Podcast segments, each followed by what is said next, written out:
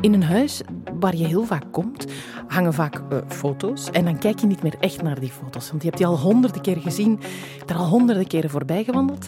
Maar dan is er plots een nieuw paar ogen dat meekijkt. En dan kijk je toch nog eens beter en nog eens anders. Dat is wat er gebeurde bij Eva Camanda en Christophe Bohé. Een foto van de overgrootouders die er altijd al gehangen heeft en altijd al gewoon was geweest, werd plots anders bekeken. En er werden vragen gesteld. En die vragen hebben tot een boek geleid. Een verzwegen leven. En daarover gaat het in deze Voorproevers, de podcast. Ik ben Annelies Mons en ik hoop dat je ervan geniet. Voorproevers. Een verzwegen leven, dat roept om verteld te worden. Een verzwegen leven in een boek met die titel. En ook hier in Voorproevers bij mij Eva Camanda en Christophe Boyer. Eva, uh, jij bent actrice, presentatrice en redacteur. Christophe, jij bent journalist. En nu zijn jullie officieel ook allebei boekenschrijver, want twee namen staan ook op dat boek. Uh, en we hadden het al over die cover, hè, die foto van jouw overgrootouders, Eva. Ja. Um, de trouwfoto, mm -hmm. uh, die jij altijd gezien had als kind en heel, heel gewoon vond en heel gewoon was. Ja. Maar Christophe, de eerste keer dat jij mee uh, naar huis ging, dat is een spannende dag. Zo de eerste keer met je lief, want dat heb ik nog niet gezegd. Jullie zijn ook samen. de eerste keer mee naar dat huis. Dan, dan viel die foto jou toch meteen op?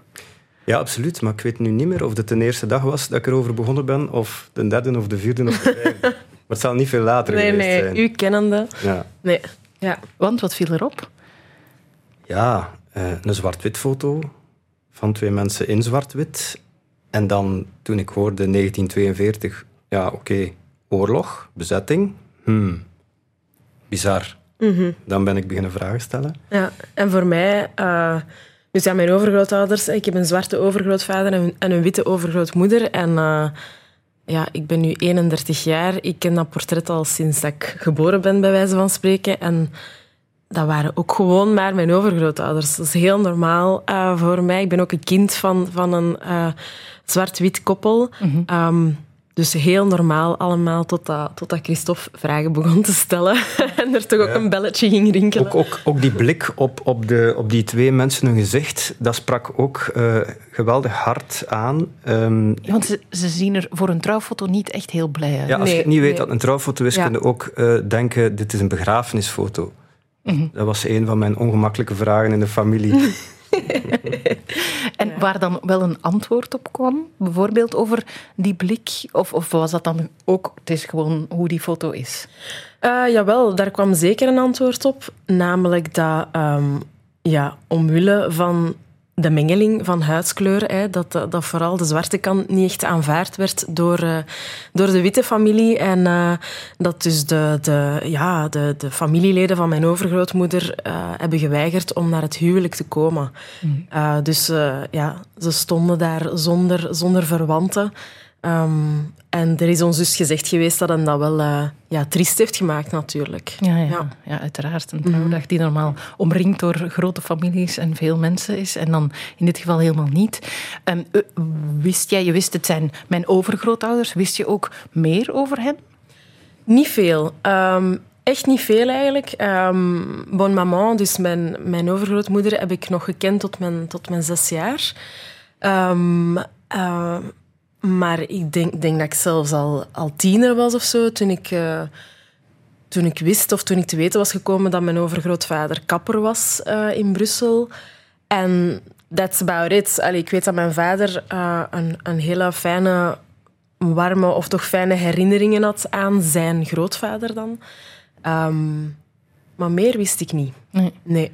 nee. En vond, vond je dat gek? Want op zich, als ik erover nadenk, ik denk zelfs dat ik niet de namen weet van mijn voilà. overgrootouders. Dat is niet super gek of zo dat je niet veel weet over je overgrootouders. Dus ik, ik stond daar ook niet verder bij stil. En, en uh, ja, en zo dat zwart-wit, die zwart-witte uh, alliantie, om het zo te zeggen, dat is zo normaal voor mij. Dat is de metissage, de vermenging van kleur in mijn familie is zo normaal. Allee, ik heb nichten en neven die, die Kamanda heten en dat zijn vikings. De, dat, zijn, dat zijn grote, stevige, witte mensen met blond haar en blauwe ogen. Dus dat is zo, zo ja, mengt bij ons. Ja, ja. Voilà. Ja. En wat maakte dan, hè, want jullie zijn dan toch vertrokken op een hele grote zoektocht die jullie lang en eh, intens heeft bezighouden. Wat maakte van, ik wil op zoek gaan naar dat verhaal van François Camanda? Ja, ja. Eh, bij mij speelden de vragen wel al, al een beetje langer om eh, ja, een beetje te gaan graven een beetje in mijn achtergrond. Eh, van waar kom ik? Ehm, ja, meer die, die Congolese kant te gaan opzoeken. Ik ben, ben opgegroeid in een witte maatschappij. Allee, ik zat op een vrij witte school. Eh, en vanaf een bepaald moment kwam die, kwam die zwarte kant van mij toch even op de deur kloppen. Ehm, enkele jaren geleden ben ik dan eh, voor het eerst met Congolese familieleden in contact gekomen. Ehm, dus, dus ergens dat persoonlijk, eh, dat persoonlijk traject bij mij. En eh, ja, dan, dan de vragen van Christophe. ehm, bijvoorbeeld heel concreet over dat trouwportret. En dat is zo wat samengekomen. Ehm, Ja, ja, absoluut. Een collega van mij bij het Nieuwsblad, eh, Pieter Huibrecht, zijn, zijn naam verdient het om genoemd te worden, eh, heeft een boek geschreven over, over Sanda Dia. Dat is de man die zo de zaak eh, Sanda uitgeklaard heeft. En die zei daar iets heel treffend in een van zijn interviews. Van, als journalist heb je niet veel. Hè. We zijn geen politie, we kunnen geen nummerplaten screenen, geen, geen telefoontabs doen. Je hebt wel je buikgevoel. Dat speelde ook bij mij heel hard. Ehm, Dat buikgevoel zei mij wel, want dat, dat, is een, dat is meer dan een foto. Dat is op zijn minst een verhaal. Eh, ehm, eh, drie reeksen eh, reportages in een krant en misschien een boek. En voor, voor de familie Camanda wou ik wel op zijn minst weten, en samen met u, Eva, ontdekken van... ja. Wat is dat hier eigenlijk? Ja.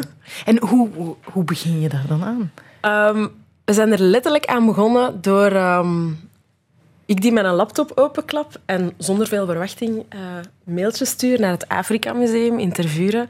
Ik weet niet enfin, waarom dat ik erop ben gekomen, maar ik dacht, ja, dat is een groot instituut, eh, uiteraard met, met, met linken met het land allee, waarin dat we, of waarover dat we gaan willen graven. Dus ik stuur een mail naar het, naar het Afrika Museum. Ik zeg, ja, hallo, goeiedag, ik ben Eva Kamanda en ik ben op zoek naar... ja, of ik ben bezig met een zoektocht over mijn overgrootvader. Mochten jullie ons daar op een of andere manier mee helpen, dan horen we het graag. Punt, cent. En eh, niet veel later eh, kreeg ik een mail terug eh, waarin dat er stond dat ze in de collectie, in de niet geëxposeerde collectie van het Afrika Museum, een, een portret, een geschilderd portret, hadden teruggevonden van mijn overgrootvader, ook met de naam van mijn overgrootvader, allee, die, die dus- dus was gegeven aan dat doek. Ehm, dat, dat lag daar dus in, in, eh, in de kelders van het Afrika Museum. Ehm, En, en het feit, als ik mag aanvullen, het feit dat de- het portret een naam droeg, was al uitzonderlijk Ja. in 1936. ja, ja, maar gewoon al het feit dat dat daar lag, Ja, ja. dat dat bestond, Absoluut. Dat was echt zoiets van, wow, allee, ik, ik ben nog maar net begonnen eigenlijk met, met een, een familiezoektocht en nu krijgen we deze terug. En, ehm, Ja, want geportretteerd worden op zich is al niet zoveel mensen gegeven. En zoals Nee. je zegt, Christophe, dan met die naam, dat is bijzonder omdat... Wel, omdat de meeste zwarten in die tijd als eh, zwarte met serienummers bijna eh, gezagen werden. Hè? Ja. Zwarte 1, 2, 3 en 400 miljoen. Ehm, en dan als eh, kok, eh, eh, danser, eh, eh, tamboerijnspeler, whatever, genoemd werden. Maar, maar dit was... Nee, nee, dit Ja. was François Camanda. ja, portret de François Camanda, geschilderd in 1936. En ehm, we vonden dat zo gek, allee, dat was zo speciaal. eh, dat we zeiden van, oké, we gaan verder zoeken. wat, wat is dit? Ja. Wel bemoedigend voor de zoektocht. Als je begint Ja. en je krijgt al zoiets, dan, dan heb je wel zin om verder te gaan. sowieso. Ja. Ja. En, eh, want het, het, in het boek begint het dan ook natuurlijk in Congo, want hij is eh, als eh, bijna jonge man eh, naar België gekomen en jullie beginnen in Congo. Is het ooit een idee geweest om ook daar op zoek te gaan? Ehm, eigenlijk vrij snel, het was eigenlijk vrij snel duidelijk dat dat niet echt onze focus eh, ging zijn, omdat ja, mijn overgrootvader heeft, heeft, ja, de, is de rest van zijn leven in, in België geweest, eh, heeft hier gewerkt, gewoond, drie kinderen gehad. Ehm, dus we wilden ons focussen op zijn leven hier. Ehm, maar ja, sans doute, mochten we naar daar zijn gegaan, dat het boek nog veel rijker eh, had geweest. Ik denk dat daarnaast dat er ook wel wat grenzen waren qua allee, deadline ook gewoon en budget, dat dat ergens ook wel meespeelde. Maar we wilden ons sowieso focussen op zijn, op zijn verhaal hier in België. Ja. Het had kunnen aanvullen, maar het was niet nodig geweest, denk ik, uh, met wat we nu hebben om het verhaal gewoon stevig te bouwen op, op stevige pilaren. Mm -hmm. Want je, je, vertrekt wel vanuit een soort waarom is hij naar hier gekomen? Ja. Dat is, dat is wel een belangrijke vraag die jullie gaan onderzoeken. Ja. Waar komen jullie dan uit? Ja. Uh, we komen dan uit um, ja, in de, de koloniale periode van uh, België. Dus mijn, mijn overgrootvader um, werkte uh, in Cabinda voor, voor, de, voor de missionarissen daar als, uh, als hulpje, als, als tuinman. Um, en werd eigenlijk ja, aangeduid door een vrij hooggeplaatst, hooggeplaatste magistraat, Henri de Raak, een Belgische magistraat. Uh, die een tolk nodig had, een vertaler. En um, blijkbaar was mijn overgrootvader daar, daarvoor geschikt. Um, voilà, en heeft die mens uh, François Camanda meegenomen. En, en, en zelfs zo ver meegenomen tot in, tot in Antwerpen eigenlijk, tot in België. Um, hm. Mijn oma zegt dat het als een soort bedankje was hm. voor zijn werk in Congo. En ik, eigenlijk ben ik geneigd om dat te geloven, want ja. een van onze wonderlijke momenten in de archieven uh, van, het, van het Rijk, België, uh, was de vondst van, van een blad waarop zo'n dialoogje stond, uh, bijna uit een kleuterboek. dus Kiswahili, in het Kiswahili. En dat was dan het proefwerkje van meneer De Raak, de magistraat, mm -hmm. die daar dus ongetwijfeld hulp had voor nodig gehad. hij was er juist door, denk ik, 13 op 20. Mm -hmm. En dus ik kan me dat goed inbeelden dat hij dan wel erkentelijk bleef voor uw overgrootvader. Ja, kan zijn. Bedank je of niet, uh, heeft, mijn overgrootvader heeft in België ook voor de Raak moeten werken. Dus uh, mm -hmm. ja, het was een bedankje met, met toch nog wel wat, wat verwachtingen of verplichtingen. Een heel complexe relatie. Ja, een heel complexe relatie. Mm. Voorproevers over een verzwegen leven uh, vandaag. Boek van Eva Camanda en Christophe Bohé. Het was het verzwegen leven van François Camanda tot nu, want het wordt verteld in dat boek. Uh, we hadden het net al over de complexe relatie met Henri de Raak, waardoor uh, François Camanda in België belandt. Um, misschien moeten we niet heel die relatie uit de, uit de, uit de doeken doen. Daar moeten mensen maar het, het boek uh, voor lezen. Maar er zijn dat heet dan een patron, een ba de baas op een bepaald moment. Zo zijn er nog wel in, doorheen het verhaal. En op een bepaald moment gaan jullie op zoek naar een graf. Zijn jullie op het kerkhof. Naar wie zijn jullie op zoek op dat moment? We zijn op zoek naar... Uh, sorry, ik lach omdat, omdat Christophe naar mij wijst van antwoord jij maar. we zijn dan op zoek naar Robert Logelin. Robert Logelin, die... Um, de oprichter was van uh, La Libre Belgique. Uh, krant. Een krant, een krant uh, in, in Brussel opgericht. En, en, we zijn op zoek naar, naar zijn graf. By the way, heel veel moed aan alle mensen in de file. Wauw, ik werd duizelig als ik u hoorde voorlezen. Het kan alleen maar goed zijn voor iedereen die nu hoort over jullie boek. En yes. over die radio. ja, voilà. um, uh, jullie zijn daar op zoek naar, naar zijn graf, omdat hij op het ereperk ligt, omdat hij die krant, dat ook een verzetskrant was in de Tweede Wereldoorlog, ja. uh, heeft. Maar jullie lopen daar rond en plots, even, ik denk dat jij het bent die zegt, oh, hey, ja. Kijk eens hier, want die ja. ligt daar nog. Ja, dus we hadden dat graf van, van Robert Logelin dan gevonden. En uh, voilà, ik wandel nog wat verder. Hè. Wie ligt er hier nog allemaal? Uh, en ineens zie ik een grafsteen uh, met de naam Isidore Bataboudila um, liggen. En dat was een van de beste maten van mijn overgrootvader. Mijn overgrootvader was Peter van zijn zoon. Mhm. Um, en dat toen overviel me echt zoiets van... Een beetje hetzelfde gelijk als toen we dat mailtje binnenkregen van het Afrika Museum over dat portret. Zo van, hè, hoe kan dit? Allee, twee belangrijke spelers of, of mensen uit het leven van mijn overgrootvader die hier naast elkaar, quasi naast elkaar liggen. En dan ook nog eens op een ereperk, um, op een kerkhof. Dat was, dat was echt gek. Mm-hmm. Ja. Ik, ik, heb daar tegen u gezegd, uh, waar zijn de camera's hier? Ja. Ja. Dat, dat, gevoel dat, dat je zo... Ja. Dit candid camera of zo? En wij dachten ook echt van... Oh my god, als we deze gaan neerschrijven... Mensen gaan ons niet geloven. Allee, dat is echt zo... Dat was... Ja. Nee, want dat betekent dat, dat die goede vriend van uh, jouw overgrootvader daar ligt. Mm -hmm.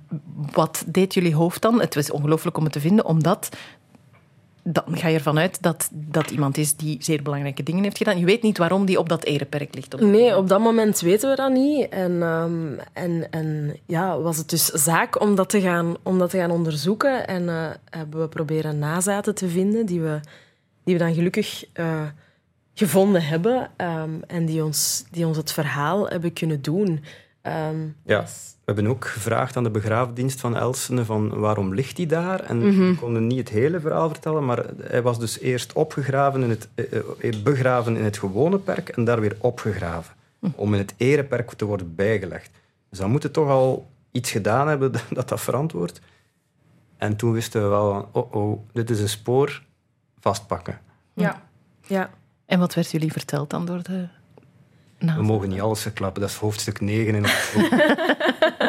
maar eigenlijk, zeg maar. eigenlijk waanzin. Uh, afgelopen week zijn we dus uh, nog uh, een boek gaan afgeven bij de man, de zoon van Isidore Bataboudila, de begravene.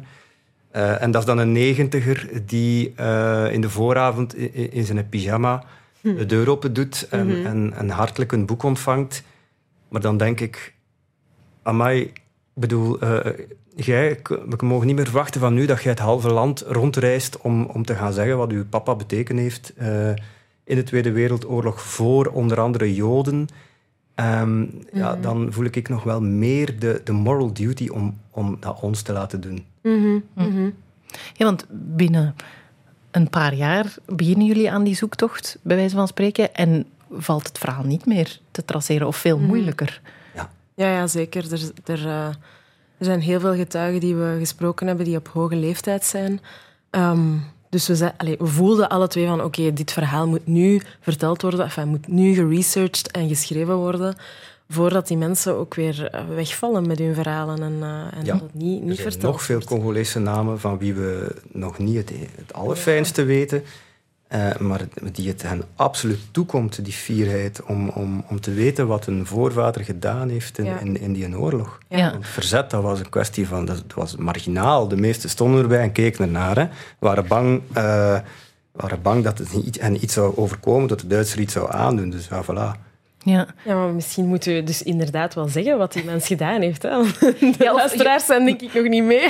Het, het woord verzet is gevallen. Ik voilà. snap het als jullie het niet willen zeggen, maar het mag wel. Ja, ja. ja, ja nee, tuurlijk, tuurlijk. Um, dus we hebben um, door het verhaal van Isidore Bataboudila ontdekt dat er... Um, heel wat Congolezen van zijn generatie en dus ook van de genera generatie maten eigenlijk, hè, van, van mijn overgrootvader en van Isidore, dat die hebben deelgenomen aan het verzet uh, tegen de Duitse bezetter um, hier in Brussel uh, tijdens de Tweede Wereldoorlog. En Isidore Bataboudila ligt op het ereperk uh, omdat hij Joden heeft helpen onderduiken in zijn eigen huis en, uh, en daarvoor gehuldigd is geweest. Hij was eerst begraven op een gewoon perk.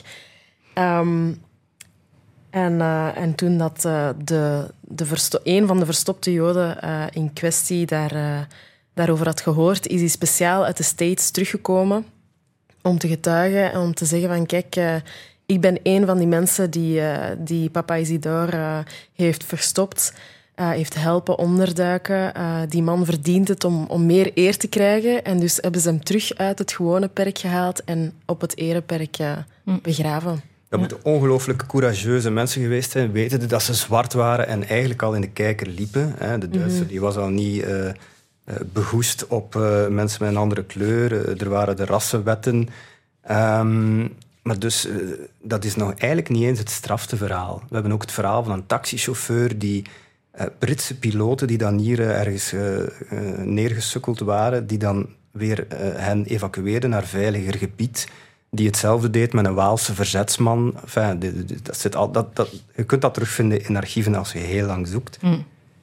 En ja, zo zijn er tientallen verhalen. Ja, want desondanks dat Isidore wel op dat ereperk mm -hmm. ligt, um, dit is een stuk geschiedenis dat nog nooit verteld is. Heb je het ergens in een boek ook maar iets over tegengekomen? Of je zegt, het is echt zoeken in archieven om dit soort verhalen te Ja, we moeten daar wel uh, heel intellectueel eerlijk in zijn. Er waren, er waren een paar mm. stipjes. Het was een beetje connecting the dots. Dus mm -hmm. in, in een Franstalig boekje van een Congolees, uh, die dus ondertussen alweer in, in Congo leefde, was er een, een reportage dat zo even de aanstipte van er zaten Congolezen in het verzet. Mm. Maar zonder heel veel meer. Mm -hmm.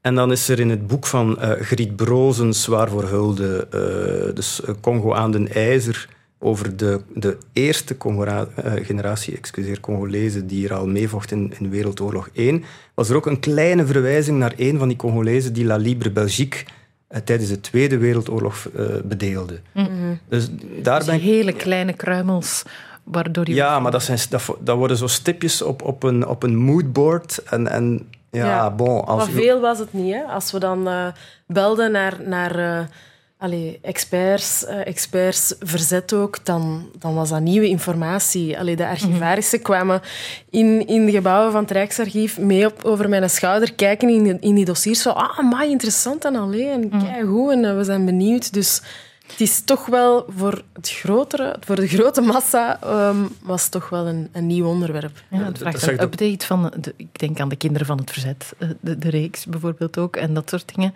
Ja. Dat, er zou, dit, jullie hebben dit nu een stuk onderzocht. Ja, maar ja, snel filmen voor al die mensen weg zijn. Ja. En thesis, uh, We laten onze nummers achter. Ja, we weten jullie te vinden. Um, ja, want je zegt, ze liepen al in de kijker, want er waren nog niet zo heel veel zwarte mensen uh, mm. in ons land op dat moment. Mm -hmm. Even op dat moment zeg jij van, het is eigenlijk, het zijn untermensen, mm -hmm. maar omdat ze niet zo untermens zijn als de Joden, blijven ze op een bepaalde manier dan een beetje buitenschot. Ja, ja, ja ik, ik, ik zei natuurlijk niet, het zijn untermensen, maar ze werden beschouwd hè, als untermensen natuurlijk tijdens, tijdens de Tweede Wereldoorlog. Ah, enfin, natuurlijk. te, te zot voor woorden. Mm. Um, ja, ja, ze, ze waren ze vielen ertussen. Ze, ze, waren, ze werden dan ook sujet Congolais genoemd, bijvoorbeeld. Ja, want en geen volwaardige Belg. Ja. Um, ja, maar dat was de Belgische staat. Hè. Um, ja. ik, dat, dat is bij mij weten nooit neergeschreven of, of gearchiveerd. Maar uh, wat ik ook in Nederland lees, is dat er, er waren te weinig zwarte om zich zorgen over te maken als Duitse, Duitse bezetter. Mm. De Joden die waren met veel meer en die waren veel, veel invloedrijker. Die hadden handelszaken. Uh, ja. die, die, die waren rijk en die waren afgebeeld als uh, de, de alle om zich heen grijpende duivel. Dat was niet zo met zwarte. Nee. Dus dat was volgens mij, denk ik, in de ogen van, van de Duitsers, mochten ze Frans gesproken hebben, quantité négligeable. Mm, ja, de dreiging. Ja. Mm -hmm. een dreiging ja. dat ervan uitging. Want dat is dan, de vraag is natuurlijk, uh, als het dan over jouw overgrootvader gaat, mm -hmm. als die, een van die beste vrienden daar op dat ereperk ligt, dan denk je, zat mijn overgrootvader dan ook in het verzet? Heel veel wijst erop, hè? want dus die, die andere man die op het ereperk uh, lag, Robert Logelin, de oprichter van uh, verzetskrant La Libre Belgique, um, ja, was een van de bazen uh, van mijn overgrootvader. Hè. Mijn overgrootvader is nog boy, heet dat dan, van die man geweest. Um, later is mijn overgrootvader dan zelfstandig kapper geworden. Mijn eigen salon in Brussel... Um, Uh, naar alles wat we weten, uh, waarschijnlijk de eerste zwarte met een eigen salon um, in Brussel, misschien wel België. Um, kapsalons dienden heel vaak als, als brievenbus voor, voor geheime berichten, uh, et cetera, et cetera. Um, ja, al zijn maten bij de Union Congolaise, de Vereniging van Congolezen, heel veel van die mensen zaten in het verzet.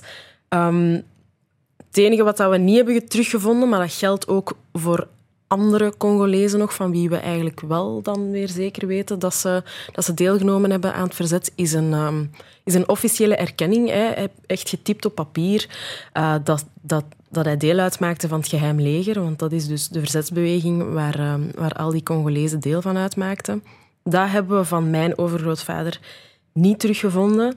Um, maar er zijn heel veel puntjes die aanwijzen dat hij er wel aan heeft deelgenomen. Zo heeft hij op latere leeftijd dan ook nog een oorlogspensioen willen aanvragen. Alleen nog zo'n aanwijzing. Dus als hij niet zou deelgenomen hebben aan het verzet, dan zat hij er alleszins middenin. Echt en plein milieu. Ja. Ja. We hebben ook zo'n bijna een vloeipapiertje teruggevonden met al die namen Klopt. van Congolezen, een recrutenlijst. Dus dat was niet uh, officieel een erkenning waard, maar wel uh, voor de, de, witte, de witte kerel die daarboven stond, een politieagent, uh, was dat voor hem een soort van bevestiging van kijk eens wie ik hier allemaal gerecruiteerd heb. Mm -hmm. En daar staat dan ook twee keer uh, François Camanda op, weliswaar misgeschreven. Ja. Hm. Maar alles wijst dan wel in de richting van het verzet. Ja. Voorproevers. Radio 1. Ja, we hebben nu al uh, veel gehad over van alles dat er gebeurt in het leven van François Camanda. Uh, een huwelijk, een uh, migratie van Congo naar België, een Tweede Wereldoorlog, een verzetbeweging. Maar um, het is ook een overgrootvader, daar begint het allemaal even. Het is ja. jouw overgrootvader. En het is ook jouw zoektocht. Het is jullie zoektocht. Mm -hmm. En um, we hebben misschien een beetje de foute indruk gegeven dat jullie een geschiedenisboek hebben geschreven. jullie hebben een belangrijk facet van de geschiedenis aan bod laten komen daar waar nog nooit over geschreven is, dat is zeker. Maar het is ook die zoektocht. En we zijn in het boek ook heel vaak in het nu. En in wat er bij jou gebeurt, wat er bij jullie mm. gebeurt. Die mengeling van de twee, hoe is dat voor jou geweest? Want het is een superpersoonlijk boek natuurlijk ook. Ja, ja zeker. Ja, het, het project begon echt als een familiezoektocht. Hè. Uh, inderdaad, dat luikje over het verzet, daar waren wij zelf verrast door. Dat, dat hadden wij niet gedacht. Um, dus dat hebben we natuurlijk mee onderzocht dan. Maar het begint echt als een familiezoektocht. En, um, en, en uh, die zich ook afspeelt tegelijk... Ja, we zijn begonnen in 2020... Um, uh, het jaar ook waarin, dat, waarin dat George Floyd vermoord is. Uh, dus we, we, we, trekken in het boek bijvoorbeeld ook um, naar, naar het centrum, enfin, naar Place Poulaert, om mee te gaan uh, betogen tijdens de Black Lives Matter Mars. Um, dus we, we maken veel uitstapjes naar het heden ook in het boek. Het is echt mijn zoektocht en hoe dat ik het beleef. En uh, ja, hoe heb ik dat beleefd? Dat, uh, dat was uh, heel emotioneel. Um, mijn naam staat wel mee op de, op de cover en ik heb het meegemaakt. Maar ik ben ook een personage in mijn eigen boek. En, en de dingen die ik ervaar tijdens die zoektocht en, en, en tijdens het gewone dagelijkse leven, um, ja, dat kwam keihard binnen, uh, of toch heel vaak. Uh, dus ik zat, ik zat vaak als een uh, emotionele stuiterbal de dingen te, te ervaren eerst. Ja, ja. En pas daarna kon ik daar iets over op papier zetten of, of, of, of vertellen tegen, tegen Christophe. Ja, want dan op papier zetten. Ja. Er, er, zijn soms teksten die jullie terugvinden over mm. beschrijvingen over hoe mensen naar zwarte mensen keken en mm. die heel hard zijn. Ja. Die heel, en je kan dat weten dat dat zo is of was of is, um, maar dat dan zo zien staan en dan weten dat dat over jouw overgrootvader op dat moment mm -hmm. ging. Ja, dat is gewoon eerst toch heel heftig. Dat is zeker heftig. Um, en we hebben dat ook niet willen censureren. Uh, het N-woord bijvoorbeeld in, in oude teksten uh, die, we dan, die we dan overnemen. Um, dat is super heftig, ook om dat gedrukt te zien staan in uw eigen boek. Um, maar dat vonden we heel belangrijk om dat, om dat mee te geven, om dat niet te gaan censureren. Ja. Mm -hmm. Ja. Als je ziet dat er vandaag nog een tv-presentator is die uh, vrolijk het N-woord in de mond neemt, een keer of dertig, uh, mm. bewijst alleen maar de relevantie van die link leggen met uh, van vroeger naar nu. Ja, ja. Ja, ja. ja. Um, dat, ik, ik, moet heel erg denken aan, uh, je schrijft op het einde schrijf je een epiloog, Eva. Ja. En dan gaat het over, uh, dan schrijf je naar je grootmoeder. Klopt. Want daar hebben we het nu nog weinig over gehad, de dochter ja, van Jannie. Ja, die ook een hele belangrijke rol speelt natuurlijk in dat hele proces. Want de, de impact op je familie, hoe is die geweest? Want het, het, zal voor iedereen wel van alles op losse schroeven en meer hebben gezet. Ja, ja absoluut. Uh, de impact was heel groot. Zij hebben zich ook um, echt geïnvesteerd in dat project, emotioneel geïnvesteerd ook. Maar dat was niet gemakkelijk. Um, zeker niet um, het, het, begin, het begin van dit project voor mijn oma en haar zus. de twee nog levende dochters van uh, François Camanda. Um, ja, die, die hebben al zo lang niet verteld over hun eigen leven. En dan is daar zo een stuiterbal die, die maar blijft vragen stellen, zijnde ik. En, en, en dat en dat en dat. Uh, dat heeft tijd nodig om... Allez, de tongen moeten letter, moesten letterlijk loskomen. Ja, want in het begin um, zeggen ze, we weten eigenlijk niks. Ja, niks ja dat, was, dat was heel... Ja, op den duur was dat echt karikaturaal bijna van oh, maar nee, maar nee, we weten niks. En dan zo twee uur later in dat gesprek, ah, maar ik denk nog daaraan of ik denk nog daaraan. Dus zo die, die herinneringen en ook vooral praten over die emoties. Um, dat heeft, dat heeft echt tijd nodig gehad. Want ja, dat, dat is een generatie. Mijn oma wordt, uh, wordt 80 volgend jaar. Um, ja, die, die discussieerden niet hè, met hun ouders. Dat is letterlijk een verzwegen leven. Dus, dus dingen die gebeuren, dingen die ze er, er, ervaarden, of het nu ja, over dat koloniaal systeem gaat, over racisme, over, over whatever. Um, dat werd ja, vaak opgekropt. En, en dan waren wij daar om dat er stilletjes aan uh, uit te halen. Dus ja, ik heb heel veel gebabbeld uh, met mijn mami Annie. En dat was op bepaalde momenten uh, zeer emotioneel, omdat, omdat ze vertelde over dingen die zij ervaren had, die ik vandaag bijvoorbeeld nog herken als metis. We zijn beide metis. Zij is een kind van een zwart-wit koppel en ik ook. Um, en en ik geef maar één voorbeeld van, van um, iets waarover dat we ontzettend ge, geconnect hebben. En uh, de band met mijn oma en met haar zus ook, en met mijn familie bij uitbreiding, is, uh, is ontzettend versterkt door heel dit project. Mm -hmm. Absoluut. Ja, ja. ja want um, je schrijft in die epiloog ook aan haar uh, dat je uh, ergens een brief vindt dat zij als jonge moeder gaat, gaat aankloppen om hulp te vragen, omdat ze zegt met mijn achternaam uh, kan ik nergens terecht. Mm -hmm. En dan vertel jij ook van ah, ik heb ook één keer ooit de naam van, van mijn lief gebruikt mm -hmm. om mij ergens aan te melden. Dat, ergens is dan ook een boek over wat is er veranderd en wat is er vooral ook nog niet veranderd. Ja, c'est ça. Um, ik denk dat er nog heel veel werk is aan... Uh, dit voorbeeld is nu een voorbeeld van structureel racisme. Uh, ik denk dat er daar in onze maatschappij nog heel veel werk aan is. En dat was gewoon zo herkenbaar. En ik voelde zo'n ja, pijn. Ik, moet ik het zeggen? Ik, ik was niet gechoqueerd of zo. Racisme choqueert mij niet. Um, maar ik voelde wel pijn in haar plaats. Dat zij dat had moeten meemaken dat, dat ik schrik had om dat mee te maken. Hè. Daarom dat ik de, de naam van Christophe gebruikte toen ik een mailtje stuurde van hallo, we zijn geïnteresseerd om, om uw appartement te huren. Dat er um, en dan mijn beste vriendin um, ook, dat ook heel vaak heeft moeten meemaken. Dus er zijn heel veel mensen um, die dit anno 2022 nog altijd meemaken. Mm -hmm. uh. En was jouw familie dan wel mee met het... dat het daarom ook belangrijk is om het te vertellen? Of, um, want het, het, het, boek heet Een verzwegen leven. Waren er ook mensen die, die zoiets hadden van... Ik hoef er echt niet over te praten. Voor mij blijft het beter. Nee, nee ik denk dat uh, iedereen uiteindelijk... Uh, allee, buiten mijn, mijn oma en, en haar zus was, uh, was mijn familie meteen enthousiast. Hm. Um, Eén keer heeft uw pa voor een soort brandweerman gespeeld, hè? Klopt, ja. ja, ja, ja, ja. Mijn oma en zus hadden soms wat moeite, maar ik zeg dat dat is, dat is normaal. Um, mijn tante heeft bijvoorbeeld ook, uh, dus haar zus bedoel ik dan, heeft, uh, heeft bijvoorbeeld ook eens gezegd van kijk, ik, ik merk dat ik nog niet voldoende allee, de mentale gymnastiek of de mentale capaciteit heb om, um, om daarover na te denken en om daarover te analyseren, over al die onderwerpen waar dat we nu over bezig zijn.